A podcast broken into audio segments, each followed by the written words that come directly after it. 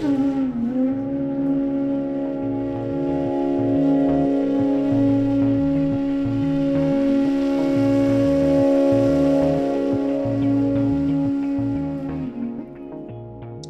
tanış olanda, sevgili olanda o insan səni tamamlayırmı?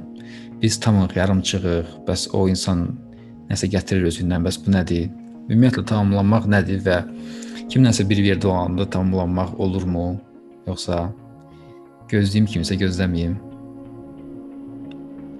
Yarımçığam yoxsa tamamam? Bax, mənim təcrübəmdə bu tamamlanmaq söhbəti necə bir şeydir? İnsanın içində, daxilində bir həyat enerjisi var. Həyat var. Can. Buna ruh deyə bilərsən, buna şuur deyə bilərsən. Mən həyat deyirəm çünki bu çox yaxşı izah edir. Bədənin içinə həyat daxil olur, onu canlı eləyir. İndi mən eşidən həyatdardır. Həyat eşidir hər şey, təcrübə edir, görür, eşidir, hə? Bu həyat səncə yarımçıqdır, yoxsa tamdır? Bu həyat yarımçıq yoxsa tamdır? Nə yarımçıq, nə tamdır. Heç biri deyil əslində. Yarımçıq və tamlıq bizim ağlımızda yaranan bir konseptlərdir. Bir sözlərdir. Hansı ki biz inananda o oluruq. Bu həyat necə varsa elədir, özü kimidir. Nə yarımçıq da deyil, tam da deyil. Yəni çünki onun onun üçün o sözdən heç biri yoxdur. O özü olduğu kimidir. Özü olduğu kimi, yəni onu təcrübə eləyəndə özü olduğu kimi həyatı möhtəşəmdir, əladır, sevgi doludur, xoşbəxtdir, sevinclidir. Hə? Bu olmayanda, bu təcrübələr olmayanda adam öz yarımçıq hiss eləyir. Məsələ ondan gedir.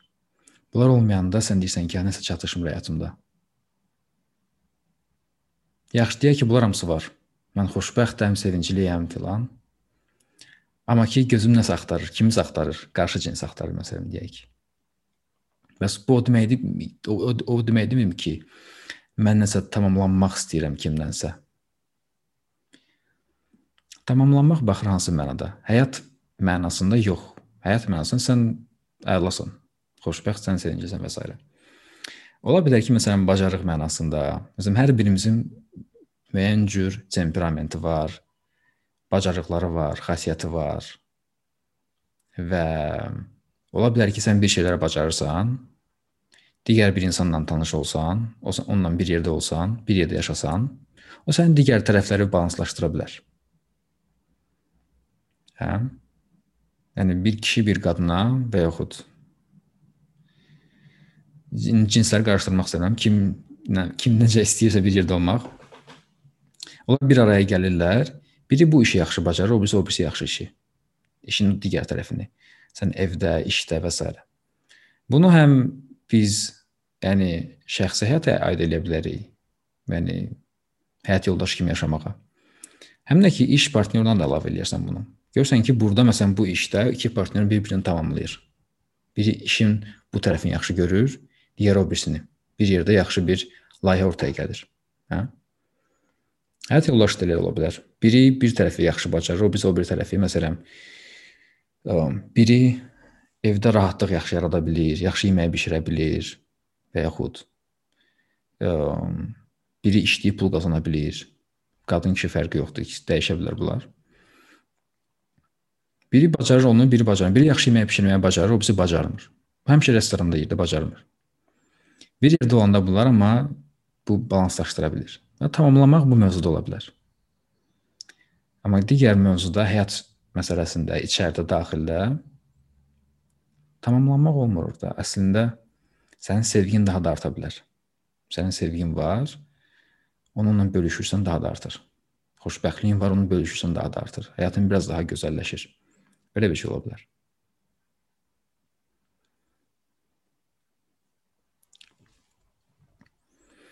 Deməli bir sual da var.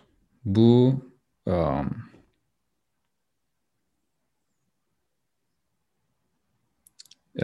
Krishnamurtinin bir videosudur və orada inciməkdən danışır. İncimək kimsə səni xətrivə dəyir. Xətir dəymişlik. Kimsə mənim xətrimə dəyib incimişəm. Yaralıyam. Yaralı ceyran. İndi sual odur ki, necə bu inciməkləri aradan qaldırmaq olar? Necə mən inciməyim? Necə eləyim ki, mənim xətrim dəyməsin? Xətrim zədələnibsə, xətrimi necə mən sağaldım? Və o da cavab verir orada. Çox gözəl də cavab verir. O deyir ki, yəni mən danışdıqca sən öz daxili nəzər sal, ancaq mən danışmayım da, sən bunu özün hiss eləyəsən, görəsən ki, söhbət nədən gedir. Deyir, nə baş verir kimsəni incidəndə? Deyək, kimsə səni təhqir eləyir. Sən inciyirsən də ondan ki, məni təhqir elədilər. Kim səni təhqir eləyir? Bu sən niyə inciyirsən məsələn bundan? Nə baş verir burada? O deyir ki, baş verən nə olur ki, sənin özün haqqında bir imicin var, bir şəklin var. Yəni, özün haqqında bir təsəvvürün var. Özünün bir imicin yaratmısan. Ağlında ki, mən beləyəm. Və təhqir olunanda sən deyir, o təhqirə, yəni bu təhqir baş verəndə o adama diqqət eləmirsən onun dediklərinə. Sən fikirləşirsən bu imici və onun zədələnməyini və ona görə sonra özünü təhqir olunmuş hesab edirsən, incimiş, xətri dəymiş, qırılmış hesab edirsən. Hə? Deyir amma sən diqqətli olsaydın o anda, o sən təhqir edən anda sən getməsəydin, öz özün öz imicə getməsəydin. Deyir əslində o anda, o diqqət anında incimək baş vermir.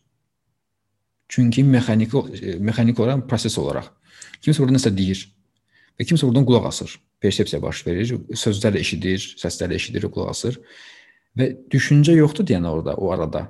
Full diqqət var da, heç bir şey mən düşünmürəm. Nə özüm haqqında, öz imicim haqqında düşünmürəm. Ancaq eşidirəm təhqirləri. Orada zədələnmək olmur, incimək olmur. Çünki kimsə danışır nəsə. Hə? O incimək o vaxt olur ki, ancaq mən diqqəti itirirəm və başlayıram düşünməyə öz ağlımdakı özüm haqqında olan təsəvvür haqqında. Ya mənim belə bir cəmaatın içində mənim hörmətim var. cəmaatın içində mənim izzətim var. Nə bilim, namusum var, qeyriyyətim var, o var, bu var. Hərəsi bir şey, yüklə belə yükləmişəm özümü. Bu bunun dediyi bu bura dəydi. O onun dedi bura dəydi. Yox da mən bunu qəbul edə bilmərəm. Mən eqom mənim zədəlidir. Eqom ağrıyır. Hə? Sonra deyirəm ki, indi mən bunu necə necə qisas alım bu adamdan? Necə mən də onu təhqir eləyim? Onu təhqir edə bilmirəmsə, daha məndən zəifini təhqir eləyim. Hı? Gedirsən evə, evdə kim zəifdir onu təhqir edirsən. İşə gedirsən, işdə kim zəifdir onu təhqir edirsən. Çıxırsan, düşürsən məhəlləyə, kim o zəifdir onu təhqir edirsən. Acıqla çıxırsan başqasından. Ona görə ki, sənin özünün haqqında imicin var ki, mən belə olmalıyam, belə olmalıyam. Nəyə görə belə olmalıyam? Çünki cəmiyyətin bu cür tələbləri var. Cəmiyyət deyir ki, belə olmalısan. Sən bu cür davranmalısan, abırlı olmalısan, nə bilim, namuslu olmalısan, elə olmalısan. Hı? Hərə bir şey, bir təsəvvür yaradıb. Deməli, bunlar pisdir, yaxşıdır. Bundan söhbət getmir. Müəyyən bir təsəvvürlər var, imiclər var, şəkillər var. Və mənim də ağlımda özüm haqqında bir şəkil var ki, hə, okey, mən beləyəm. Mənim cəmaatın içində hörmətim var. Nə bilim, o var, bu var. Hə? Və kimsə gəlib mənə cəmaət üçün təhqir eləyəndə mən onu fikirləşirəm ki, "Ha, bu cəmaətin içində bu image sözələn tərpənir artıq. bu düşəcək yerə qırılacaq bu vaza." Hə? Bunu düşməmək üçün artıq mən, "A, bilirsən nə var? Sən də beləsən." Özümü müdafiə edirəm, öz imicimi müdafiə edirəm.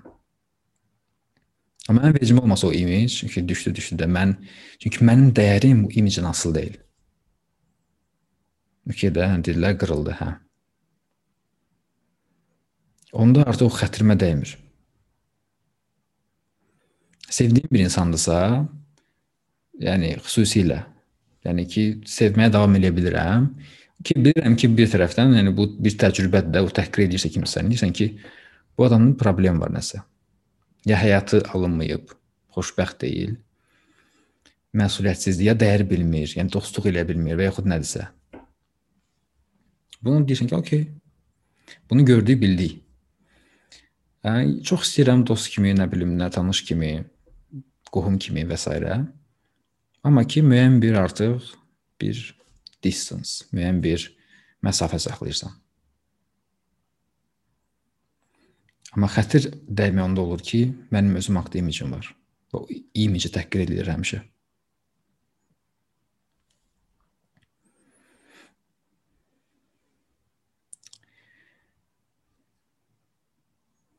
Əgər bir insan həyatını əks cinslə paylaşmaq istəmirsə, azadlığını itirə itirəcəyindən qorxursa,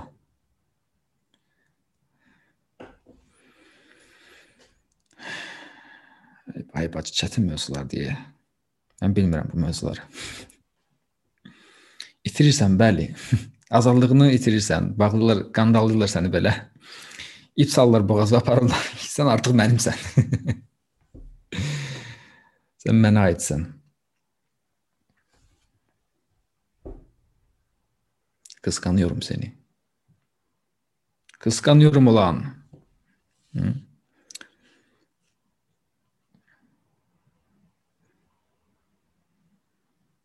Bizim cəmiyyətdə çətindir bu mövzular ümumiyyətlə.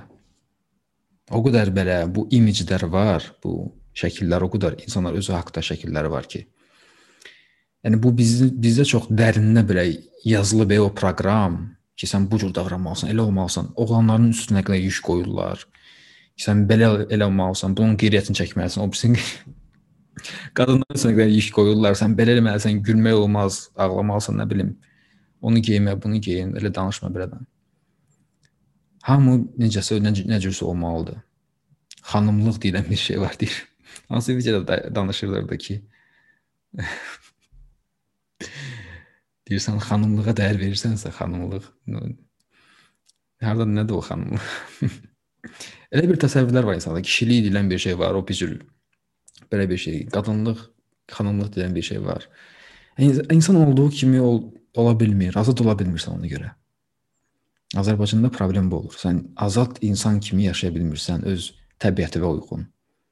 Kimsə deyir ki, sən bu kişiliyə görə deyil, bu qadınlığa görə deyil.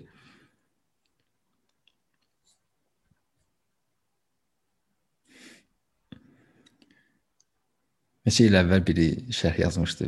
Bir dəxilsiz bir adam idi kimsə. Yəni biz mən saçım uzun idi o vaxtı. Saçımı yığırdım. Kişi sənə o saç zadı get saç kəs. Hardan bilirsən kişiyəm? Bəlkə qadınam belə çıxaracam maskanı. Mission Impossible. Aha Fərdican dəyişdi. Maskası maskası cır oldu.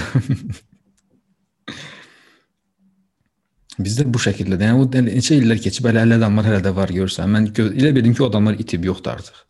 O girdi şərh yazdı, mən yazmaq düşdü ki, hə, belə adamlar hələ də var ki, yekə kişisən, saç ökəs filan. Yəni bir də Yapan dostum var. O deyir ki, Yaponiyada elədi. Yaponiya kişi, Yaponiya. Yaponiyada onun belinə kimi saçı var. Rəqqasdır. Belinə kimi saçı var, belə yığıb gəzir. Deyir Yaponiyada gəzəndə mən deyir söz atırlar.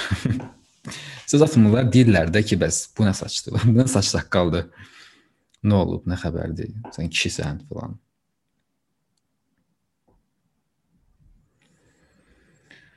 Ona görə belə bir cəmiyyətdə sən qorxursansa ki, əks cinslə əks cinslə e, bir münasibətin başlasa, azadlığından məhrum olacaqsan. Bu ola bilər.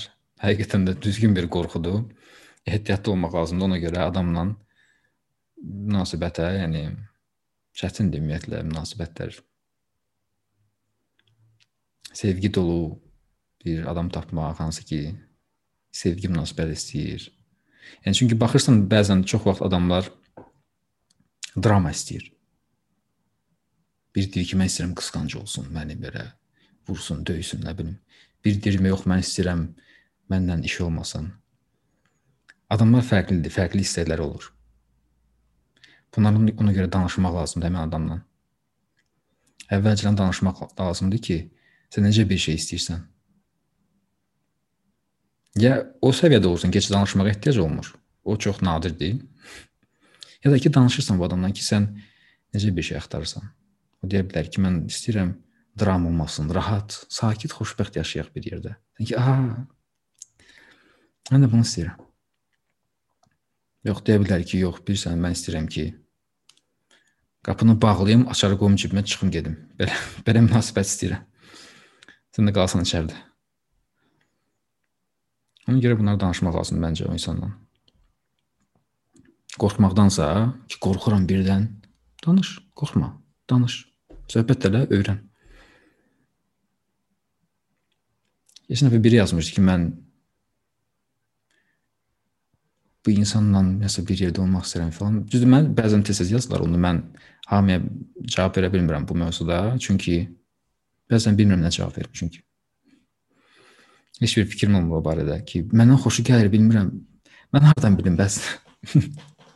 Gəl adamla söhbətlərə danış, gör nə istəyir, nə bəlkə heç sən heç fikirləşmir, yəni öz işi gücündə, yəni. Ona görə danış öyrən.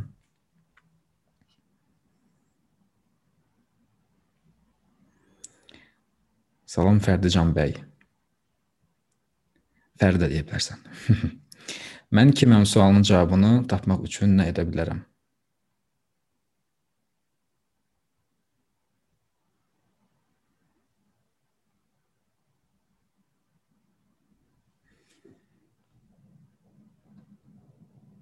Kim deyilsən axı? O kimlik yoxdur da, məsələ odur. Bu kim olmaq bu bir ə, mifdir. Mən kimsə olmalıyam. Kimsəyəmmi? Mən kiməm? Heç bir kimliyin yoxdur sənin. Mən yəni həqiqət budasın. Heç bir kimliyin yoxdur. Kimliksizliyə dözə bilərsən, kimliksizlə yaşaya bilərsən. Bəs axı nəsə var axı orada. Nəsə var, hə, nəsə. Nə? Mən nəyəm? Bu daha bu daha həqiqətə yaxındır.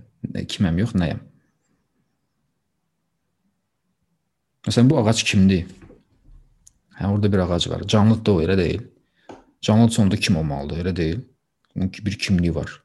Adı nədir bunun? Anardır, Rüfətdir. Sevdadır yoxsa Fərəh. Kimdir o? Ağac fikirləş ki, mən kiməm? Mən kim sualını versə o ağac bir canlı kimi nə tapacaq səncə? Bir kimlik tapacaq. Bir kimlik tapa bilməyəcək o. Çünki orada kimlik yoxdur. Amma özünü kim sualını versə, kimsə olmağa çalışacaq. Axırda qalır ki, mən tapdım, mən mühəndis Namiqəm. Və yaxud fərdin evində yaşayan ağacam adımdakı nə bilim, Tameladır. Kim axtarsa nəsə tapacaq orada axırda, hansı bir nəticəyə gələcək ki, dayansın o axtarır. Amma əslində o ağac kim deyil, nədir? Bir forma var, formanın içində onu canlı saxlayan bir həyat var. Onun nəliyi odur. Bir forma var burada. Bunun içində bunu canlı eləyən, danışmağa gətirən, görməyə, eşitməyə gətirən bir həyat var. Və bu həyat şüurludur, ağıllıdır. Bu həyat ilahidir, bu həyat müqəddəsdir, bu həyat dəhşətli bir şeydir. Hansının ki sirrini hələ biz bilmirik, mistik, mistik bir şeydir. Hansı ki kainatlar yaradır özü üçün. Yaradır, yaradır, öz-özünə baxır, öz-özündən həzz alır, zövq alır. Öz-özündən sevişir. Öz-özünü axtarır. Öz-özü üçün kitablar yazır, öz-özü üçün filmlər çəkir. Özü-özünə səyahət eləyir. Yəni bu ağla sığmaz bir masştabda, bir miqyasda bir həyatdır. Ağla sığmaz bir miqyasda. O həyat kimdir? Kim? Kimsə ola orada aktual deyil. Həyat necə bir şeydir? Bu daha maraqlıdır. Necəliyi, nəliyi. Mən bu həyatın daha ne, necə daha yaxşı bilə bilərəm. O sənə ən yaxın ən yaxın həyat hansıdır? Hardadır? Mənə ən yaxın həyat hansıdır? Bu bu ağacdadır, bu havadadır, yoxsa mənim özüməm? Bir həyat kimi. Bir həyat kimi mənə ən yaxın həyat mənim özüməm. Problem odur ki, mənim problemim odur ki, yəni insan olaraq insan burada yaşayır və burada kimlik söhbətləri gedir. Amma həyat bütün bədəni canlı saxlayır. Həyat başda deyil. Və nəzər salmaq istəyirəmsə həyata, mən oturub fikirlər nəzər salmalı deyiləm. Ha, həyat, ruh, şuur. Hmm, bu nə? Oturum fikirləşim. Fikirləşməklə oturacam ancaq fikirləşəcəm.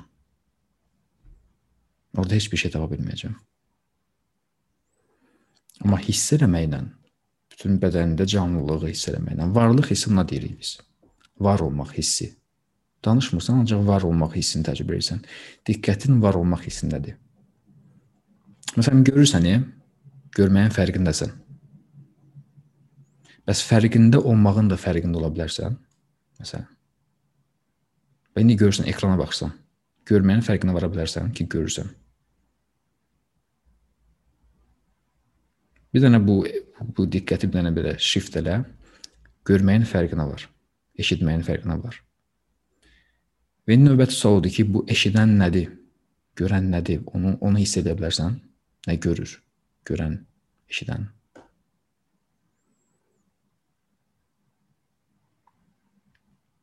Mən, hə, belə bir hiss yaranır içəridə. Mən söhbət məndən gedir. Mən eşidirəm, mən görürəm. O hiss kimi. O hissi diqqətli orada saxlamaqdır məsələ. Onu bilmək üçün gərək onun onunla vaxt keçirəsən.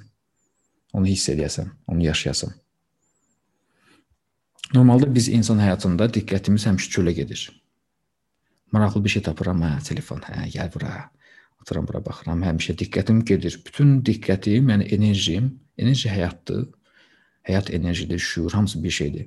Və o axır bura. Uf, gedir bura. Tapdım bir şey, hə, burada maraqlı bir şey var, onunla başlayır. Kitabını almışam. Baxıram, hə, maraqlı şeydir, qəşəngdir. Otururam buna baxıram. Kitab tapdım, hə, kitab oxuyum. Diqqətim bu kitaba gedir. Hə? Həmişə harasa gedir. Həmişə harasa gedir çölə. Mən kiməm sual odur ki, diqqət çöldən içəri. Axır bura gedir içəridə. Sən başlasan özünün fərqinə varmağa. Mən nəyəm? Bu şəkildə insanın nəsə öyrənmək bir şansı ola bilər. Digər tərəfdə çölə getməklə heç bir şey öyrənə bilmirsən. İnformasiya ala bilərsən, amma bu sənə bəs eləmir. Sən mən dedim sən həyatsan. Sənə bəs eləyir? Əlbəttə ki, yox. Mən həyatı hiss eləsəm, içimdə bu kainatları hiss eləsəm, onda mən deyirəm ki, hə, okey, indi İndi biz söhbət edə bilərik səndən. hə? Bu həyatdan artıq bir şey hiss eləmisən.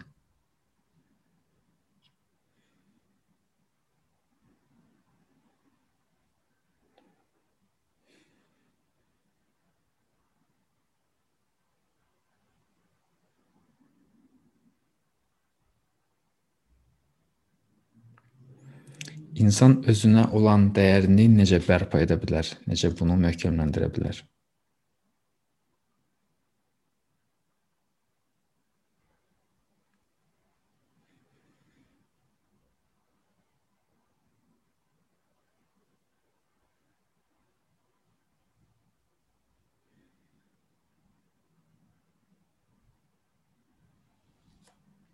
Bu sual bilirsən müxtəlif levellərdə vermək olar, müxtəlif səviyyələrdə vermək olar bu sualı. İnsan mən özümə dəyər verirəm. Bəzən olur adamlar məsələn özünü tənqid eləməklə özünü belə tərifləyir. Mənim bir dənə problem odur ki, mən insanlara həddindən artıq çox dəyər verirəm. Güya özünü tənqid elədi, amma əslində özünü, özünü tərifləyir. Mən ona həddən artıq çox yaxşı davrandım. Mənim problemim odur. Həddən açıq adam çox yaxşıdır. Yəni özünü belə tənqid edir. Mən həddən çox dəyər verirəm.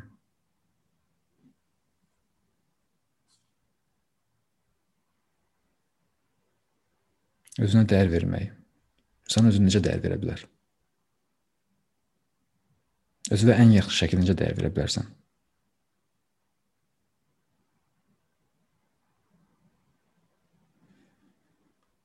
Bu axır ora gəlib deyəndə ki, sən insan həyatından ən yaxşı şəkildə istifadə edəsən. İnsan həyatı öz məqsədinə qulluq eləsən bir növ. İnsan həyatına dəyər verməkdir. O sən səndə olan həyata dəyər verirsən budur. Yox? Mən vaxtımı boş şeylərə xərcləyirəmsə, boş insanlara, boş söhbətlərə, bu deməkdir ki, mən dəyərim azalır. Mən öz məqsədimə qulluq eləmirəm. Mən öz həyatım öz məqsədini yaşamır.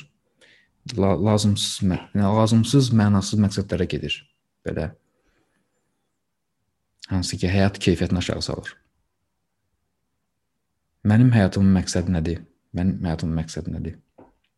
İnsan həyatının məqsədi nədir? Biraz arxaik dil, dildə deyəcəm bir ifadə var, deyir ki,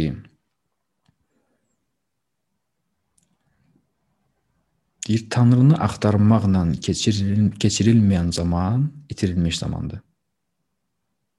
Tanrını axtarmaqla keçirilməyən zaman itirilmiş zamandır. Tanrı çevir onu elə həyat.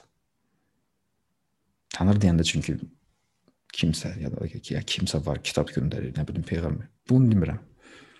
Həyat, yaradıcı güc, sən həmçinin. Onu yəni özü axtarmaqla, yəni söhbət ona görə özü axtarmaqla keçir keçirmədiyin zaman itirilmiş zamandır. Digər işlər hamısı iquşkadır.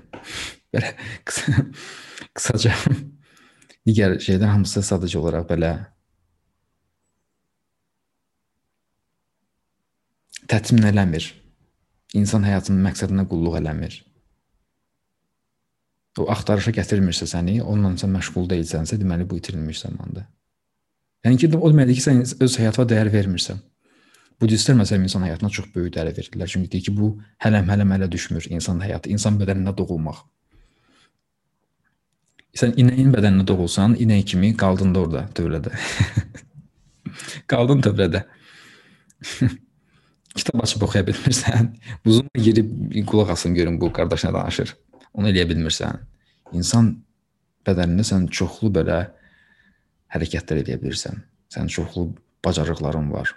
Biz balaca şeylər eləyirik, bunlar hamısı böyük uğurdur əslində. Sən Zoom-a girib bura gəlib qatıla bilməyin böyük uğurdur. Bu demək ki, sən ağlından istifadə edə bilirsən, bədənini idarə edə bilirsən. Hə, girib qulağına başa düşə bilirsən.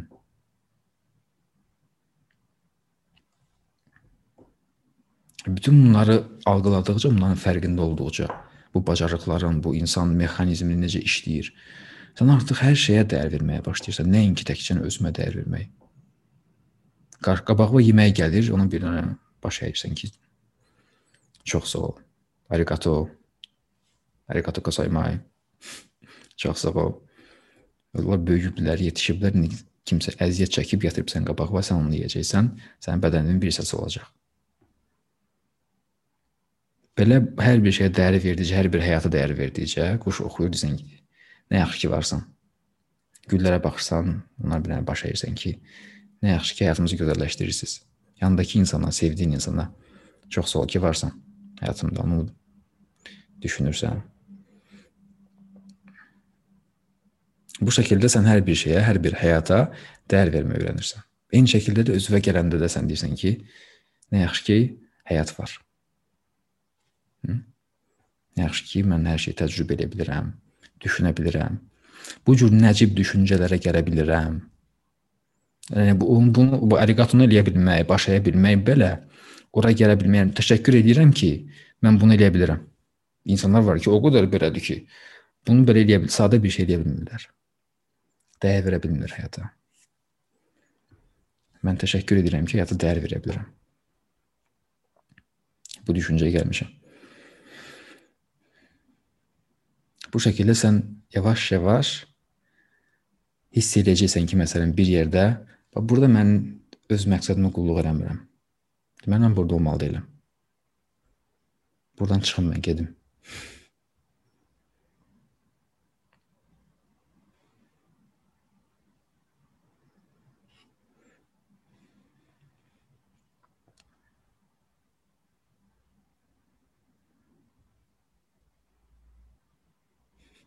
Bu dünyadan günaha girmədən getməyin yolu var. Yoxdur bacı. Yox. zarafat zarafat meditasiyadan başqa nələri tapmaq olar bu dünyadan uzaqlaşmağa? Meditasiyadan başqa nələri tapmaq olar bu dünyadan uzaqlaşmağa? Yəni ki, məqsəd bu dünyadan uzaqlaşmaqdır. Sizə kömək edə bilməyəcəm, üzr istəyirəm.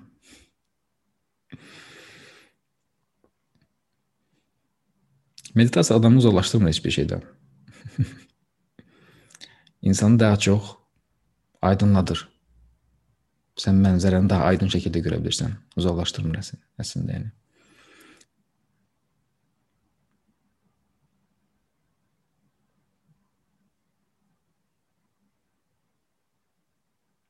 Ayahuasca, DMT və ya başqa psixodeliklərlə həqiqətə yaxınlaşmaq olar sizcə? Mən tez-tez həyrətə düşürəm ki, hər hansı bir şey necə mövcud ola bilər. Hə, bu başqa bir kommentdir. Axuaska DMT və başqa psixodeliklərdən həqiqətə yaxınlaşmaq olar. Olar. Olar. Bunlar mən bunları belə məsləhət görmürəm publik şəkildə, çünki bu Bunlar geniş yayılmış şeylərdir. Bu ayahuasca seremoniyaları olur, nə bilim, DMT daha belə intensivdir. Ayahuasca da özünə görə çox intensiv bir şeydir. Ə, bu vaxtda danışmışdım mən LSD falan mövzularında ki, bunların müəyyən qədər faydası var. Bilsən necə eləyirsən, nə edirsən, hansı atmosferdə eləyirsən. Yəni, müəyyən qədər təcrübə lazımdır. Müəyyən qədər. Məsələn, mən bundan bu DMT-ni hə, ayahuasca-nı yoxlamışam. Digərlərinin çoxsunu yoxlamışam, yəni. Və mənə kömək edib mənim əvvəlki praktikam. Yəni mənim əvvəlki praktikam olmasaydı, mənəvi inkişafdan maraqlı, o haqqda biliklər və onları eləmək. Məsələn, mən o psixodelikdən istifadə edəndə mən heç bir cəməli bir nəticə almaya bilərdim. Amma ki, çox adam var ki, ancaq bu LSD-dən sonra və yaxud bu psixodelik vasitələri yox, onlarla eksperiment elədikdən sonra başa düşür təcrübə mənasında ki, söhbət nədən gedir. Mən danışanda sevgi, nə bilim, varlıq hissi bunlar quru sözlərdir. Məsələn, onu eləyirsən, onu yaşayırsan ki, "A, budur. Okay, başa düşdüm." hə, belə olur. Yəni bunun bunun üçün sənə xeyri var, amma ki ə, bəzi insanlarda bu adamların başı gedə bilər, yəni. Bəzi adamlar o qədər stabil deyillər ki, ağıllarında öz ağıllarına başlayacaqlar inanmağa və dəli-dəli ideyalar gələcəklər. Onlara inanacaqlar ki, hə bu belədir həqiqətən deyil əslində. Ona görə ağıl stabil olmalıdır müəyyən qədər, sağlam olmalıdır. Belə dözə bilməlidir o o təcrübəyə. Dözə bilməyən ağılın başı gedir, sonra başlayırlar o adama davamlı şəkildə onu qəbul eləmək ki, hə, yenə eyni şeylərə gəlim. Elə olmur. Ona görə təhlükəli ola bilər bəzi insanlar üçün. Ehtiyatlı olmaq lazımdır. Ancaq bəlkə də müəyyən bir ə, təcrübəsi olan insanla, onun nəzarəti altında elə bir atmosfer olmalıdır ki, sən o təcrübəyə, lazım olan təcrübəyə gələsən. Və sən özün ora gələ bilməyəndə kimsə səni qayd eləsin ki, hə, bax diqqətli bura gətirin deyib, bunu yavaş-yavaş sən gətirsin ora. Amma ki, yəni bu bunlarda fayda var, yəni istifadə ə, lazım olan şəkildə istifadə mümkündür.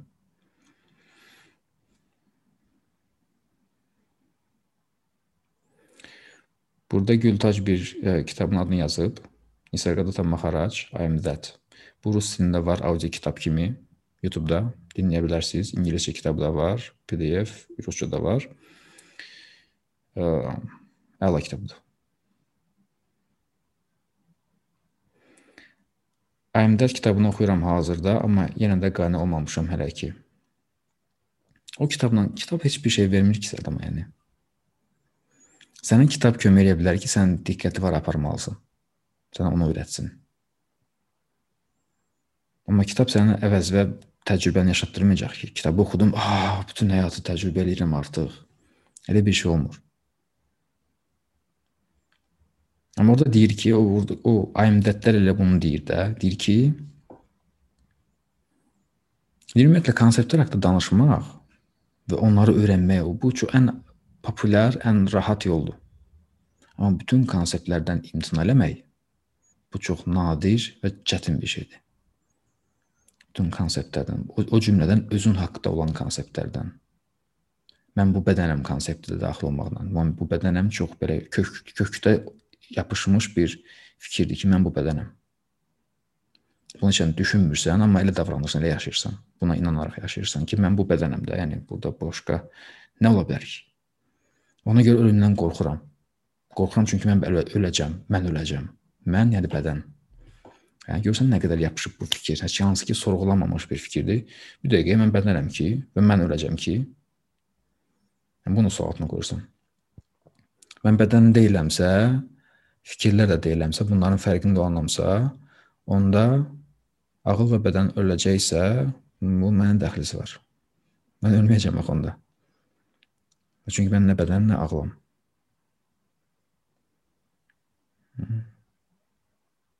Ağlım çox aktivdir, dayana bilmirəm, nə bilim. Mən ağıl deyiləmsə, o ağıl, ağlın aktivliyindən mənə nə?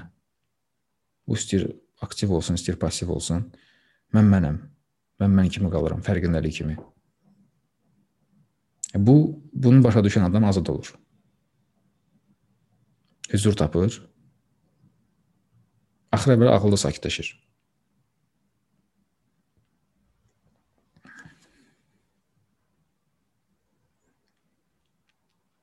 Burada məndə dilemma yaranır. Həyatımı sakit sakitlikdə yaşamağa, zövq almağa həsr edim, ya karyeramı yüksəltməyə, məndən 10 dəfə üstün adamlar ilə mübarizə aparmaq. belə bu çox belə rahat seçim kimi görsənir mənə burdan belə oxuyuram. Həyatımı sakitlikdə yaşamağa, zövq almağa həsr eləyim, hə? Ya da ki, karyeram karyeramı yüksəltməyə və məndən 10 dəfə üstün adamlarla mübarizə aparmağa. Əlbəttə ki, karyeranı yüksəltməyə və mübarizə aparmağa həsr etməz. Həyatında nə heç bir heç bir şəkildə zövq almağa və sakit yaşamağa düşünmə belə, ağlından belə keçirtmə.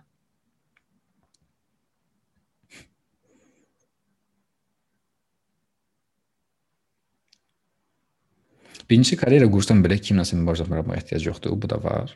Yəni, sən öz işini görürsən, dünyada müəyyən bir rol oynayırsan. Digər tərəfdən sakit yaşamağa, zövq almağa heç kim mane olmur əslində bizə. Yəni bu bunu biz sadəcə özümüz eləmirik. Heç kim mane olmur. Yəni soruşanda ki, ki belə-belə bəzi adamlar var, deyirlər, həmişə şikayət edirlər ki, onlar, onlar da günahkar. Həmişə onlar var, kimlərsə. Böyük nə bilim korporasiyalardır, nə bilim şirkətlərdir, dövlətdir. Burdadılarsa, bu Almaniyada yaşasa, almanlar da günahkar, nə bilim.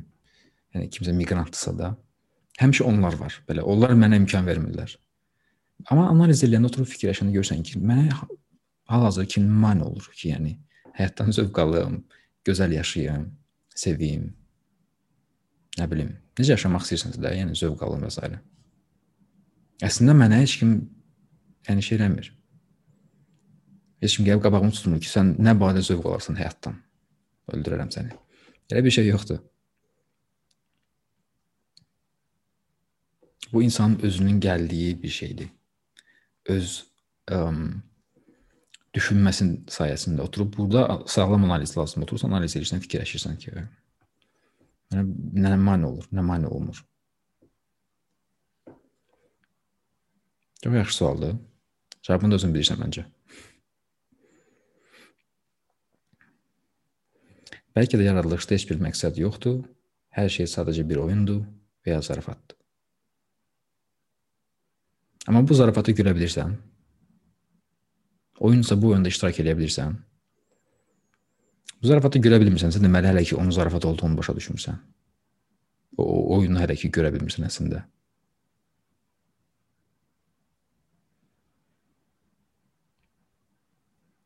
Və həyata baxsan ki, əslində bir platformadır, bir səhnədir. Və bir oyun gedir və oyun dəyişə də bilər. Başqa cür də ola bilər. Və zamanla da dəyişir yəni əslində. Zaman keçdikcə dəyişir başqa səhnələr yaranır, başqa cür qaydalar yaranır.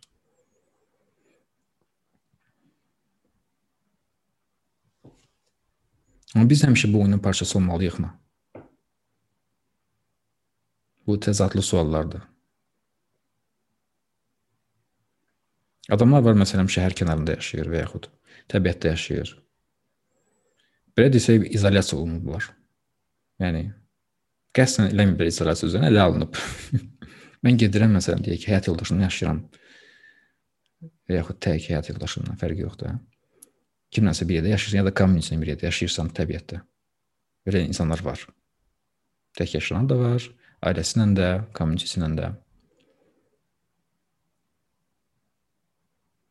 O şəhər həyatında iştirak eləmir, Facebookda iştirak eləmir. Mənim kimi deyil. Xəbərimiz də yoxdur ki, ümumiyyətlə o insanlar var. Xəbərimiz yoxdur, ancaq tanış olanda başa düşürsən ki, hə belə adam var imiş sən demə. Elə bir qayda yoxdur ki, kimsə gəlib bu şəhər həyatına iştirak etməlidir. Elə bir qayda yoxdur. Mən bir post yazmışdım bu təbiətə təbiətdə yaşamaqla əlaqəli onun onun nə qədər önəmli olmağı filandan yazmışdım. Mən bir neçə nəfər yazdı ki, şeydir, bəs hara gedirsən, asandır getmək, nə bilim, elə burdadır filan, hara gedirsən. Mən elə bir şey inanmıram. Yəni burada hara burada, yəni istəsən gedə bilərsən təbiətdə yaşamağa. Nə problem var ki? Ora planetin digər bir tərəfində. Amma şəhərdə yaşayacaq deyilən bir qayda yoxdur.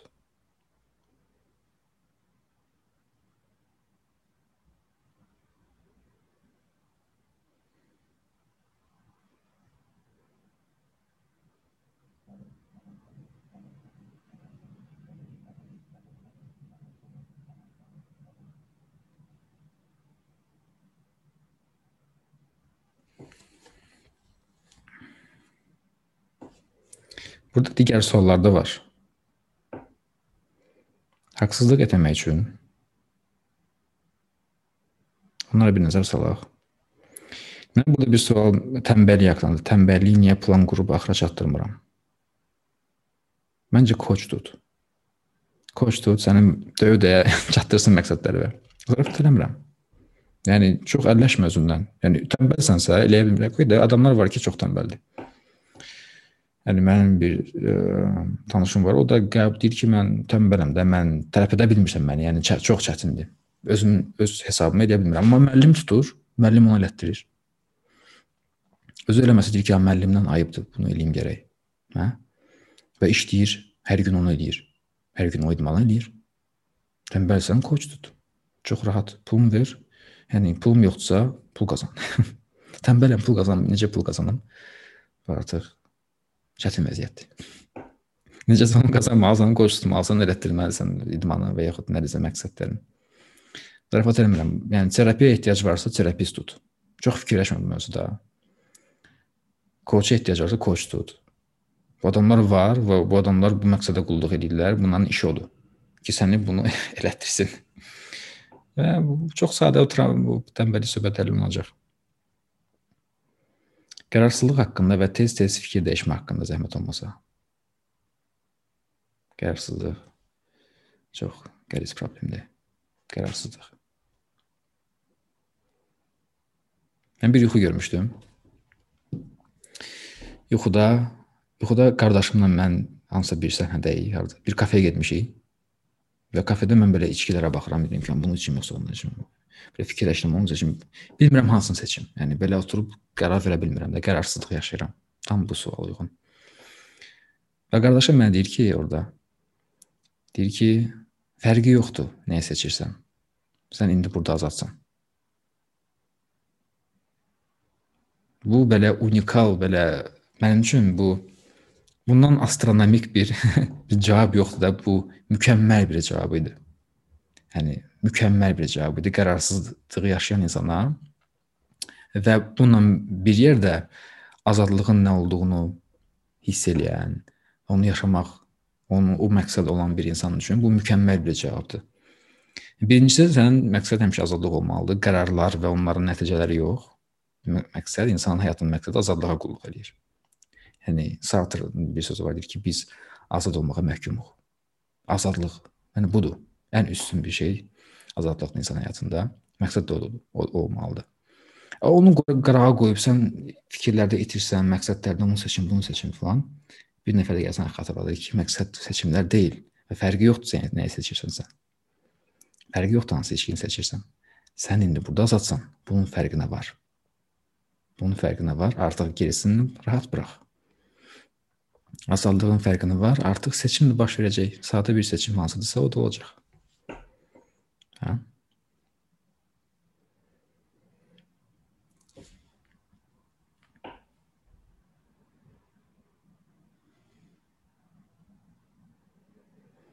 Daimlikdən necə əldə etmək, daim tez durmaq, daim meditasiya eləmək, daim başqalarının sözlərini dərin qəbul etməmək biraz fərqlidir bu. Çünki bir həftə stabil gedir, hər şey sonra çökürsən. Bu da bayaqki məsələdir ki, okey, tənbəllik mövzusuna biraz yaxındır. İdmana başladım, bir həftədən sonra buraxdım. Məsələn, mən qaçıram, ə, qaçıram, gedirəm parka, orada idman falan edirəm. Və mən bu qaçış zamanı əla hiss edirəm. Yəni o qaçışda mən zövq almasam onu eləmərəm. Mən qaçaram, qaçdı, qaçdığım anda bu hərəkətlərin fərqindəyəm, necə insanlar arasından hərəkət edirəm və necə külək gəlir, necə bədən hərəkət eləyir və azad şəkildə qaçır. Bu lütfdür, yəni qaça bilmək lütfdür mənim üçün. Ayaqlarım işləyir, yəni sağlamdır və s. Bunun hamısını eləmək, bunun hamısının fərqinə varıram qaçanda və sevinirəm və xoşbəxt oluram və diqqətim belə düppədüz, çox kəskin, əla nəfəs gəlir, gedir onun fərqindəyəm, necə nəfəs bədən işləyir. Hı? Ya bunu elədikcə mən zövq alıram bu prosesdən. Və bunu davamlı edirəm. Niyə eləməyim? Niyə eləməyim? Eləmirəmsə, okey, nəsə problem yaranır. Baxıram ki, bu məni burdan saxlayan nə oldu? Nə baş verdi ki, mən bunu eləmədim? Dur, otur stulda, belə düz saxla. Və bax öz həyatıma. Bir dənə belə düz saxla. Bir dənə belə düz saxla. Artıq əvvəl elədiyin şeyləri eləməyəcəksən. Çünki onları eləmək üçün biraz əyilmək lazımdır belə. Belə əyilib oturmalısan. Belə düz saxlayanda artıq əvvəlki kimi olmursan. Fərqli olursan biraz. Sən problemi həll elədin. Belə düz saxla. Gördün alınmır, koç tut. Mən burada koçları reklam edirəm. Öz dəyər, özünə dəyər bunu, bunu cavab verdi.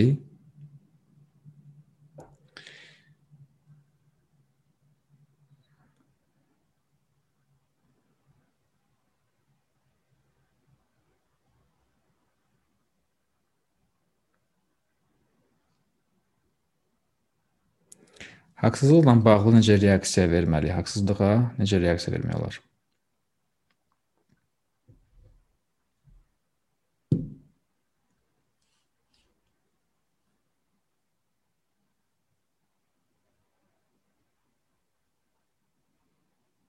Məndən soruşsan, məndən soruşsan yəqin ki. Mən deyərdim bunu dilə gətirəsən. Bunu deyəsən. Haqsızlıqla bağlı yerə bunu deyəsən.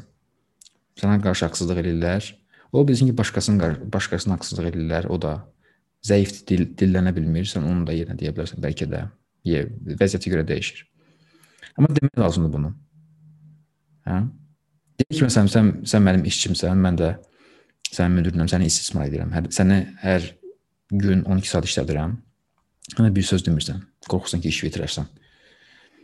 Hə, qorxursan ki, iş bitirərsən, mən də deyirəm ki, əşi belə lazımdır. 12 saat hər işdə. Nə? Belə sənlə davranıram. Sən də hər gün gəlirsən. Mən bir gün vicdana gələcəm ki, sənə sən çox işlədirəm, ki, sən biraz daha az işlədim. Mən bunu düşünməyəcəm. Elə deyil. Sən bir gün gəlibsən ki, mən bu qədər işləyə bilmərəm. Biz 8 saatla danışmışıq. Yəni bu qədər olmalıdır işləmək. Bundan çox mən işte 12 saat işləyə bilmərəm məsələn. Bunu sən bunu dilə gətirsən, mənim o birisi işçilərim dilə gətirsə, mən məcbur olacağam sizə bunu verməyə. Yəni bu bu haqqlar, insan haqqları necə gəlib? Dillənməklə gəlib də bu insanlar bunu deməklə, protest eləməklə, dilə gətirməklə olub da bunlar. Yoxsa insanları bir 15-16 saat işlədirdilər yəni. 8 saata belə gəlib düşüb. İndi biraz da dillənsə insanlar düşəcək 4 saata.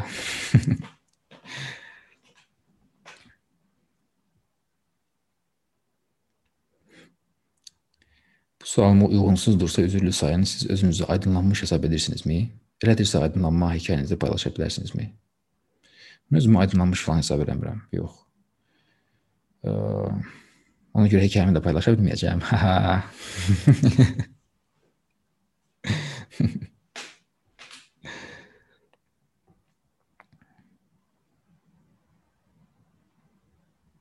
Məqsəd aydınlanmaq olmalı deyil məncə aydınlandım nəsə olduğunu. Yəni sadəcə bir dənə sadə bir şeyin fərqinə varmaq lazımdır ki, mən fikir deyiləm.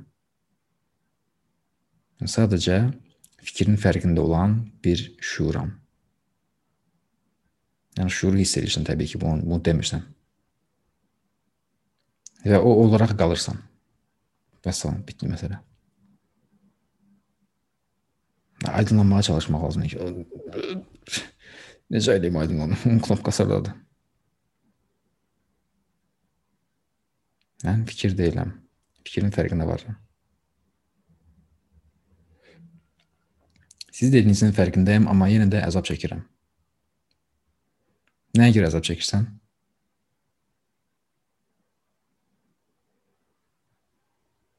Nəyin əzabıdır?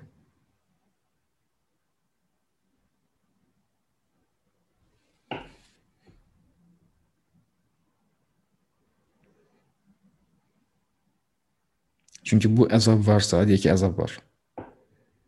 Ağrı var və nəsə varsa. Bu əzabın fərqində olan da var. Sən əzab deyilsən də, fərqində olansan. Hop, keçdin arxaya, gördün?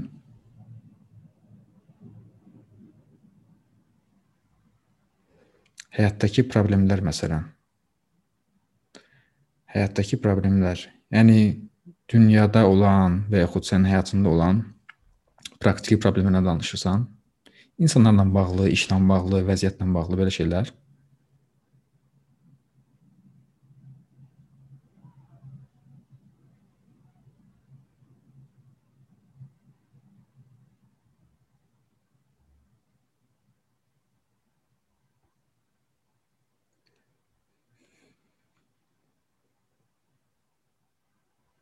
Məsələn, işlə bağlı stress, maraqsızlıq və s. Görürsən ha, sən hardan hara gəldin? Aydınlanmaqdan gəldin işə, işdəki stressə, maraqsızlıq və s.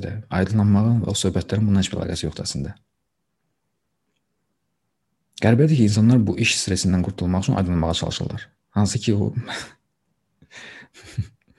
tamam ayrı söhbətlərdir, ayrı problemlərdir iş problemini gərək işlə bağlı həll edəsən. Yəni bu praktiki problemlər bizim işlə bağlı, insanlarla bağlı problemimiz, münasibətlərlə bağlı problemlərimiz. Burada aydınlanmağa ehtiyac yoxdur. Yəni səni işi asanlaşdırım. o söhbətlərə heç girməyə ehtiyac yoxdur. Mən kiməm filan. Nəyə görə axtarırsan bu sualın cavabı? İşdə problem var ona görə. Tapsam özümü işdə problemi. İşdə problemi, nəsə problem varsa, onu məntiqlə həll etmək lazımdır danışmaqla, danışıqla və yaxud düşüncənlə, təcrübənlə bu haqqda kitablar yazılıb. Bu haqqda biliklər var, bu haqqda trenerlər var. İnternetdə oldu ağzına kimi. Terapevtlər var. Hə?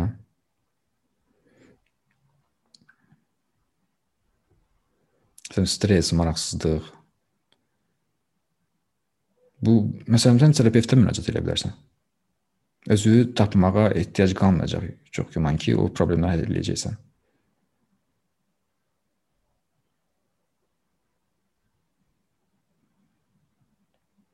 Özümü bu bədəndə stak hiss edirəm. O elədir. Bədəndə değişmisən. Hər kəs kimi. Amma bu bədəndə ilişib qalmışıq da, bu bədəni tərk edə bilmirik istədiyimizə görə, istədiyimiz vaxt. Bəzən maraqsız gəlir hər şey. Bu da ona görə deyirdi ki, tətminsizlik.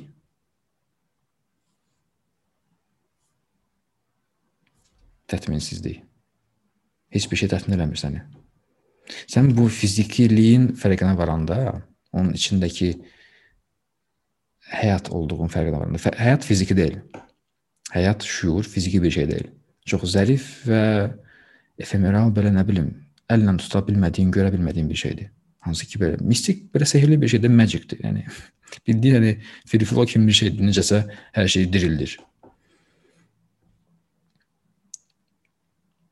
Və o olduğu biləndə, onu onu hiss edəndə artıq sənə o ə, sən bu fizikiliyin fərqindəsən və görürsən ki, sən hamının elədiyi şeylərlə özünü təmin edə bilmirsən artıq. İstəyir iş olsun, istəyir nə bilim dostlar olsun, istəyir nə bilim yemək olsun, istəyir nə bilim seks olsun və yaxud başqa istəklər olsun. Belə ha, yeyim hər şeyi. Onunla olmur. Bu da mən deyil, heç nə yemirsən, heç sevir. Bu da mən deyil. Hamısını edirsən, amma ki artıq o orada bir ümid yoxdur ki, bu məni doyduracaq. Bu səni doydurmayacaq. Səni doyduran sən özünsən. Ona görə insan öz şuurunda məskən salanda sənin evin şuurunun mərkəzində olur sənin özündəki o, o şuurun. O olanda vəssalam sən bir oturursan rahat və rahat da otura bilirsən. O insan ki belə rahat otura bilmir, Həmişə baxır sağa sola, onun ağlı da belədir. Belə. Ona görə deyir ki, sağa sola baxma o qədər. Sakit qal. Qabağa bax.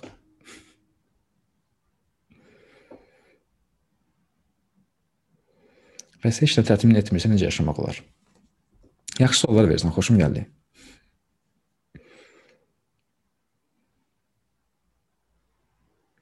Təminliyi axtarmayaraq yaşayırsan da. Sən əvvəl təminliyi çöldə axtarırdın, dünyada axtarırdın. Axtardın, axtardın tapa bilmirsən. Heç bir şey səni rahat eləmir. Bunu ancaq yetişmiş bir adam bunu bura gələ bilər. Sən təbrik edirəm. Yəni, çox adam bunu başa düşmür. Yəni soruşursan, məsələn, birindən soruşsan, söhbət edirsən ki, "A, nə danışırsan? Yaxta olsun, nə bilim, yaxtada gəzim və salam odur." Nə bilim, o bir deyir ki, ya, oğlan tapım, belə preslər olsun, nə bilim, bədəni olsun. Bəs odur. Doğrudan belə fikirləşirlər, belə belə ümidlərlə yaşayırlar ki, o onun presləri mənə edəcək. Üzr istəyirəm. Yaxud o yaxda mən tətin edəcək. Kimisə danışacağam. Mənə deyəcəklər ki, "A, bu yaxdası var bu qardaşın." Mən də belə qürurlanacağam ki, "A, mənəm burada." Yoxdur, dənizə baxacağam nə bilim nə.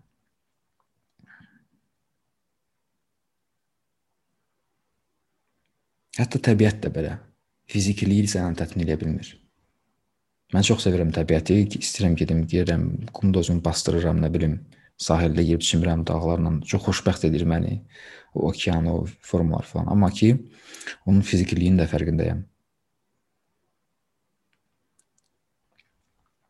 Bunun fərqinə varanda artıq sən çöldən bir şey ummursan. Gözün çöldə olmur mərkəzin daxilində olur öz şuurunda. Belə məsafədən də zövq ala bilərsən hər şeydən.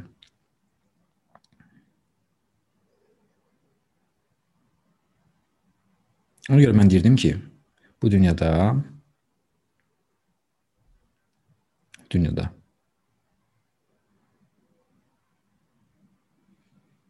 sığınacaq yoxdur. Bu tətbinsizliyə görə deyirəm. Sığınacaq yoxdur burada. Sığına bilmirsən heç bir şeyə. Heç bir şey yoxdur ki, sığına biləsən ona. Yaxtaya sığınım, əsas mənim həyatım xoşbəxt keçəcək. Bu oğlanın presinə sığınım olmur elə. Yəni sığına bilmir, sığınacaq yoxdur. Yeganə sığınacaq insanın öz sevgisidir. Sevgisi yəni öz həyatı, bir-birimizin sevgisi, o şuurdur yəni. Yeganə sığınacaq o şuurdur o həyatda.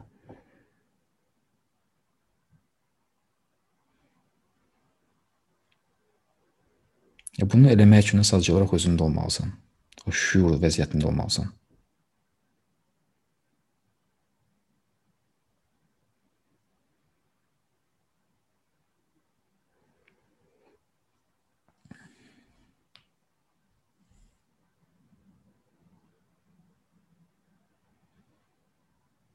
İnsanların çöldən gözü çəkilmir deyə məcbur qalırsan sən də çöldəkiləri nəzərə alasan. Niyə ki, yəni sən falan kəs o presdə oğlan istəyirsən, mən də istəməliyəm onu. Mənim dostum yaxta istəyir, mən istəmirəm yaxta filan, yəni. Yaxtası olar, mən gəlib bir vuraram okeanda. Zövq alaram ondan. Yaxta filan elə bir məqsədim yoxdur ki, həyatımda mənim yaxta olsun vertolyotla uçum ancaq. İnsanlar dəlidir, yəni özləri bilirlər. öz ambisiyalarıdır, öz istəkləridir və ümidlərlə yaşayırlar ki, o, o yaxda olanda hər şey əl mükəmməl olacaq, əl olacaq. Yox, mən bilirəm ki, olmayacaq. Mənə o dəmir-dömür bir şey təsir bir şey gətirməyəcək. Hə, gözəllik filan, gəzirsən, nə bilim, küləyi, küləyi var, dənizi var. O da şeyə baxırsan, dənizin qürubuna baxırsan, gözəldir, hə. Hamısı ki, ötəri deyil amma. Hamısı keçib gedir də. Mən dünənlərə aldığım zövqlər indi hanı? Dünən mən kalan zövq almışam. 1 kilo aldım, qoydum evə. ki, bu günləri yeyərəm. Yoxdur, açıq xalcaniki yoxdur zövq orada. Qalmayıb artıq yeyiblər onu. Dünən də elə onu yedilər, tükətdilər, qutardı, getdi. Hardadır o zövqlər? Heç biri qalmır. Ona görə biz belə xəyalların arxasınca qaçırıq. Kölgələrin arxasınca qaçırıq. Fantomları tutmağa çalışırıq.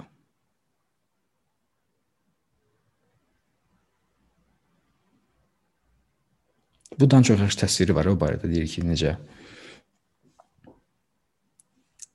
yay buludu kimi göydə çaxan ildırım kimi, şamın əsməsi kimidir. Həyat, insan həyatı. İldırım çaxır bir dənə uf, yox oldu da. Onun bir izi qaldı getdi. O qədər yəni dəyişkəndir, efemeraldır, o qədər dəyişir belə. Tuta bilmirsən.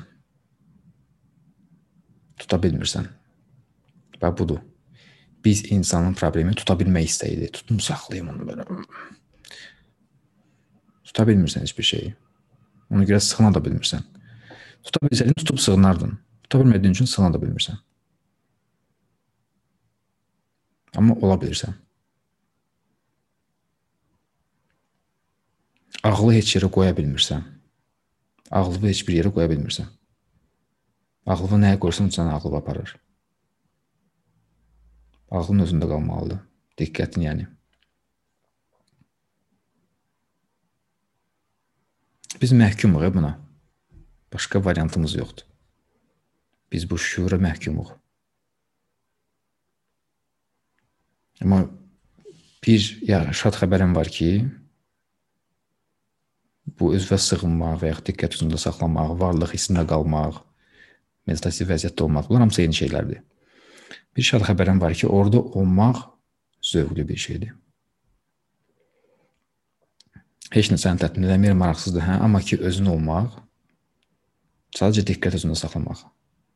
O nə qədər gözəl bir şeydir. Sən belə yayılırsan. Sən böyüyürsən. Sən qidalanırsan ondan, ondan içirsən. Zövq alırsan. Sat çit ananda. Sat çit ananda. Varoluş, şuur və dərin zövq.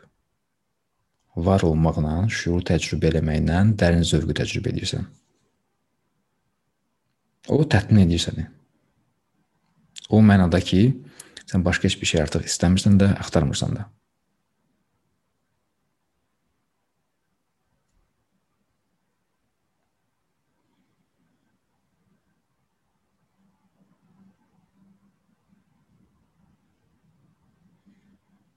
Ona görə yatırım bura olmalıdır. Və bunu təcrübə eləmək üçün də kimi yaxşı, okey, bunu başa düşdük. Sığınacaq yoxdur, yox, yoxdur, yoxdur da yaxşı. Özümə sığınmalıyam, yaxşı sığınım. Mən necə gəlim o zövqə, necə özümə necə özümlə necə qalım? Ağlım sakit deyil. Daim məni fikrimi aparır başqa yerə. Bu çox uzun bir söhbətdir. Qısa yol odur ki, sadəcə diqqəti ora gətir, həmişə orada saxla. Nə qədər çox buna önəm versən, o qədər çox bu alınacaq. Nə qədər çox belə önəmləs önəm, önəmsəməsən, yadından çıxacaq. Olacaqsan köhnə adam. Nə qədər tez buna bunu xatırlasan, önəm versən, o olacaq. Sənin təcil təcilindən asılıdır. Nə qədər təcilli bu sənin üçün. Mənim üçün bu vaxtımda çox təcili idi. Çox təcili idi. Mən başqa bir şey gözüm görmürdü. Belə şey qoyub getdim Hindistana filan ki, yəni istəmirəm. Mənə maraqlı deyil burdakı bu təhsilli o işdir, mənə maraqlı deyil. Mən bunu istəyirəm. Mənim ağrılarım elə səviyyədə idi ki, mən deməli, yəni yaşaya bilmirdim, burada funksiya eləyə bilmirdim. O depressiyadan çıxmaq üçün mən nə gərəkirdisə onu elədim. Ağrısız bura gəlmək olmur. Hə? Ağrısız, Jung deyirdi, ağrısız şüura oyanmaq olmur. Çünki ağrısız sən dayaz ağrısızlıqla yaşayırsan. Dayaz xoşbəxtliklə yaşamağa davam edirsən ki, hə, də oturaq dostlar, nə bilim nələr. Həyat da belə keçib gedir. O boyda yoga elmi var bunun üçün. Metodlar, həyat tərzi, budizm var, Advaita Vedanta var müəllimlər var. Bunlar hamısı sənin üçündür də. Ki sən o vəziyyətə gələsən. Mən şəxsən bunların hamısından istifadə elədim. Eləməyə də davam edirəm. Müəllim gələndə mən müəllimi qaçırtmırdım. Yəni Qaçırmırdım da onun söhbətini mən qaçırmırdım sadəcə olaraq. İki adam var idi, iki dost var idi. Müəllim gəlir onlarla yaşadığı yerə öz ayağı ilə müəllim ora gəlir. Biri o saat getirir, o birisi deyir ki, işinə baxarıq, nə bilim, mənim işim var, həftə sonu başqa planlarım var. Fərq də yaradan elə bu olur. Kimin ki başqa planları var idi, həyatında onun haqqında başqa planları var. Həyat da onu zövqə gətirmir. Başı qarışır o söhbətlərə, partilərə, nə bilim, yeyib içməklərə, orada adam əriyir gedir həyata. Bu həyatda sənin təsəvvür etmədiyin bir güc var, zövq var. Hansını ki sən indiyənə kimi təsəvvür elə ki, təcrübə eləmisən, həyatında dadmamısan. O yola getdikcə onu dadacaqsan.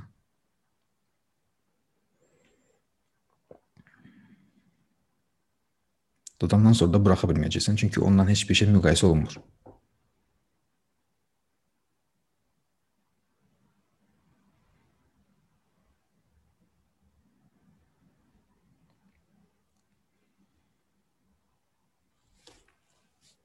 Bir-iki sual da oxuyum, sonra keçin meditasiyaya. Nə fikirləşdiniz? Razısınızsa əlinizi qaldırın, razı deyilsinizsə yenə də əlinizi qaldırın.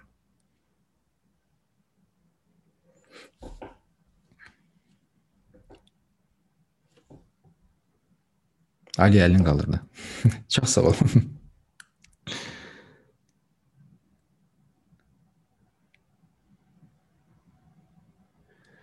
Deməli, buradan səhifədən bir sual.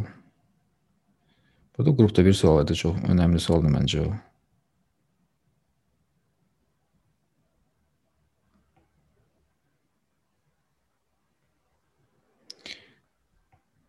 Deməli, ə, stresi bədəndən necə çıxartmaq olar? Stresi bədəndən çıxarmaq üçün təbiətdə olmaq lazımdır. Yeyib dənizdə çimmək lazımdır. Planetin tə təbii sularında çimmək lazımdır. Torpaqda olmalısan, eşələnməlisən orada, oturmalısan, uzanmalısan. Qaçmalısan, idman eləməlisən, aktiv olmalısan bədənində. Bunları eləyərkən birinci o stresi yaradan şeyi gərək kəsəsən. Stres inputunu dayandırasan ki, o artmağa davam eləməsin.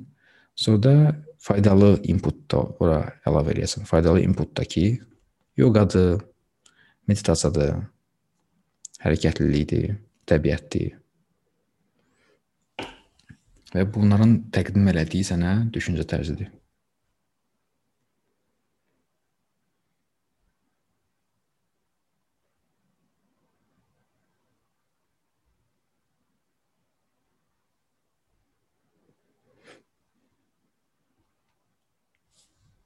Burada bir sual var idi.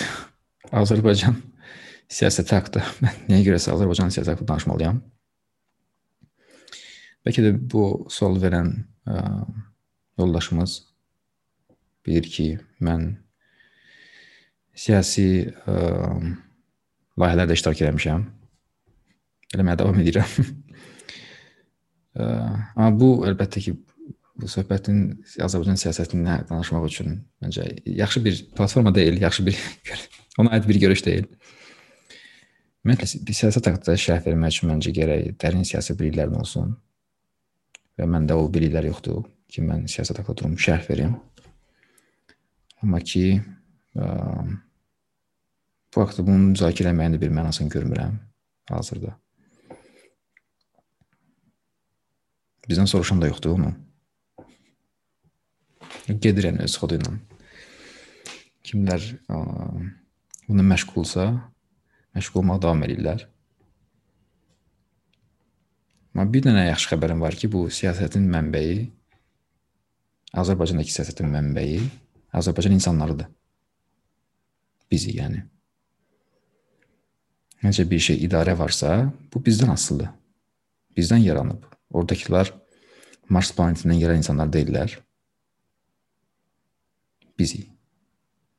Biz hansı səviyyədə isə hansı keyfiyyətlərimiz varsa, hansı istəklərimiz varsa, onlar da özünü əks etdirir. Dövlətin siyasətində, idarə etməsində və s. Ona görə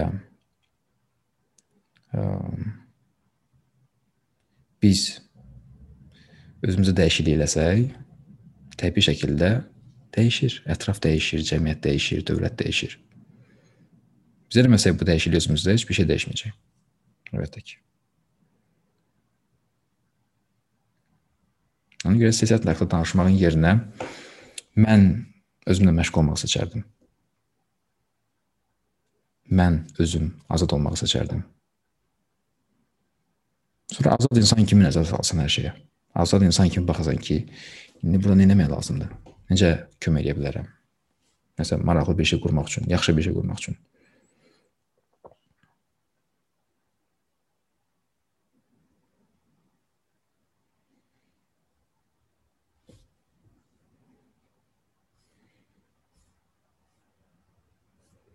Belə. Gəlin keçin meditasiyaya. Bir yerdə meditasiya edək.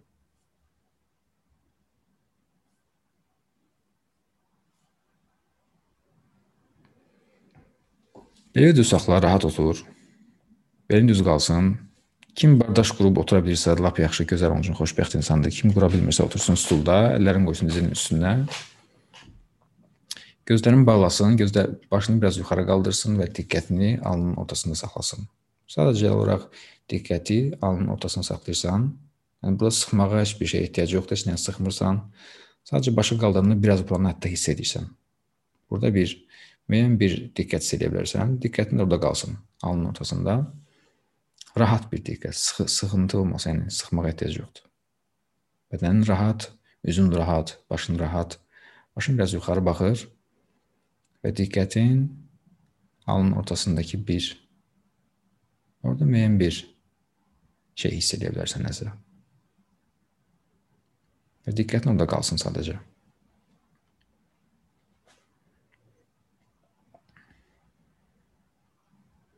Nəfəsin gəlib getməyinin fərqindəsən?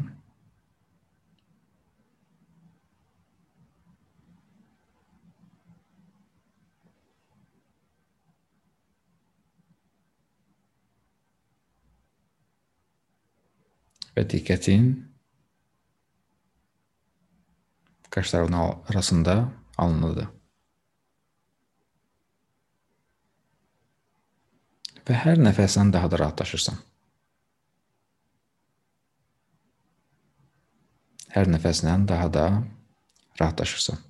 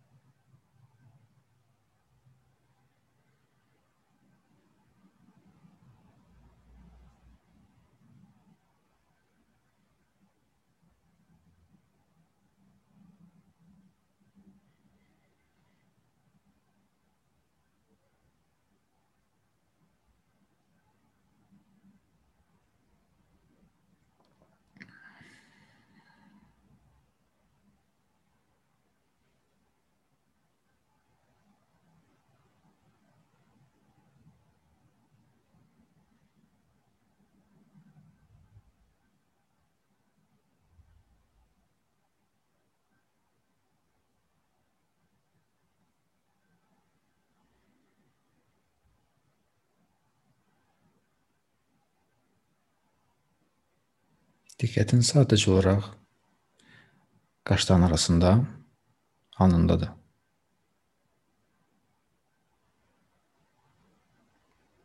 Fikirlər gəlib gedə bilər. Heç bir problem yoxdur.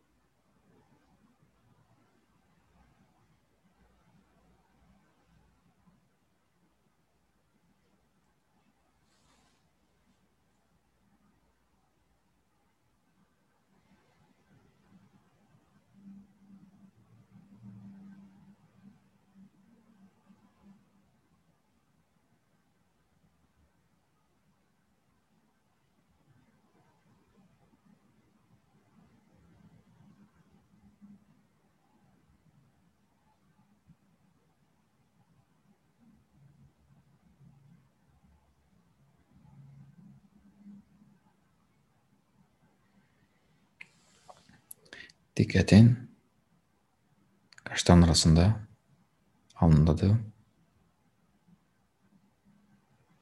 Çox zərif şəkildə çox zərif şəkildə diqqəti orada saxlayırsan.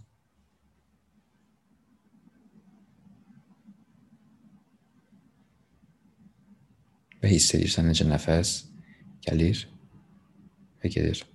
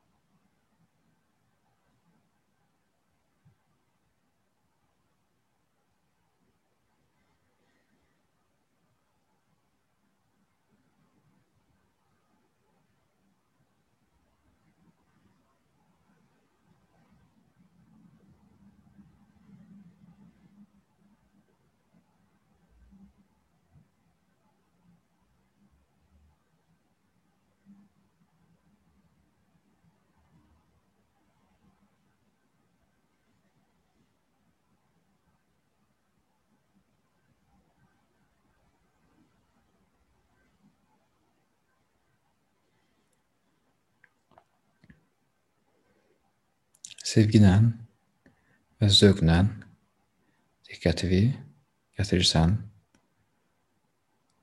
qaşların arasına alnında saxlayırsan. Sevgilə, zərifliklə.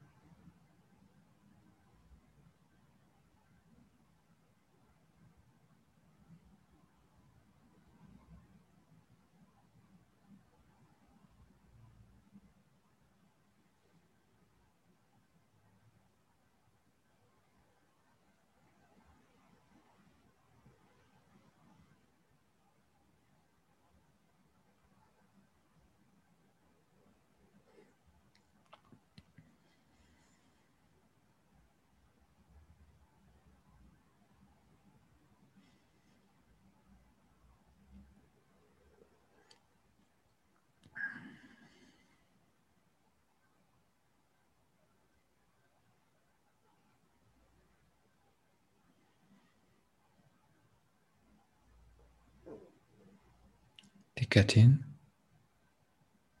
sakit şəkildə qaşların arasında alnındadır.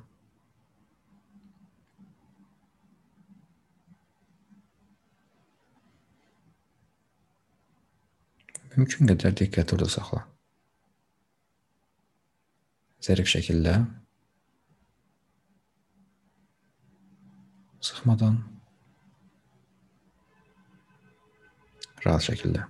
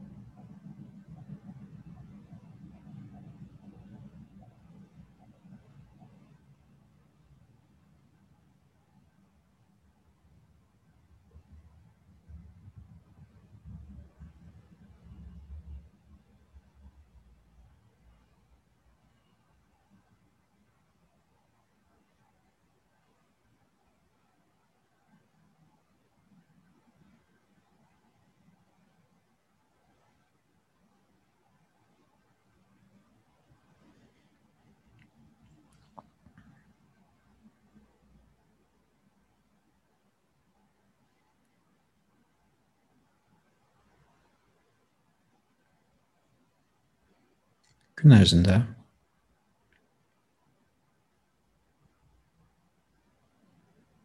çalış birin düz qalsın.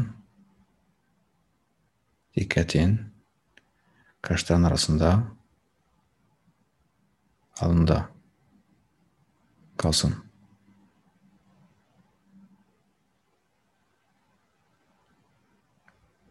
Fikirləşməyin yerinə sadəcə diqqəti burada saxla gün ərzində. Və bəzən otur 5 dəqiqə, 10 dəqiqə, 15 dəqiqə. Bel düz, diqqət qaşların arasında, alında.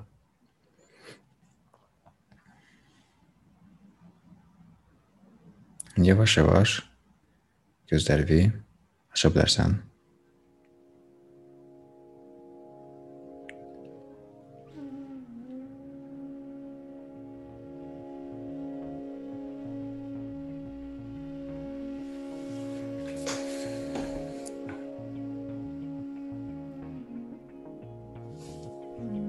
Çox sağ olun hər biriniz gəldiyiniz üçün. Bu günü bu qədər bəsdir. Növbəti həftə yenidən görüşərik. Söhbətləşərik. Hələlik.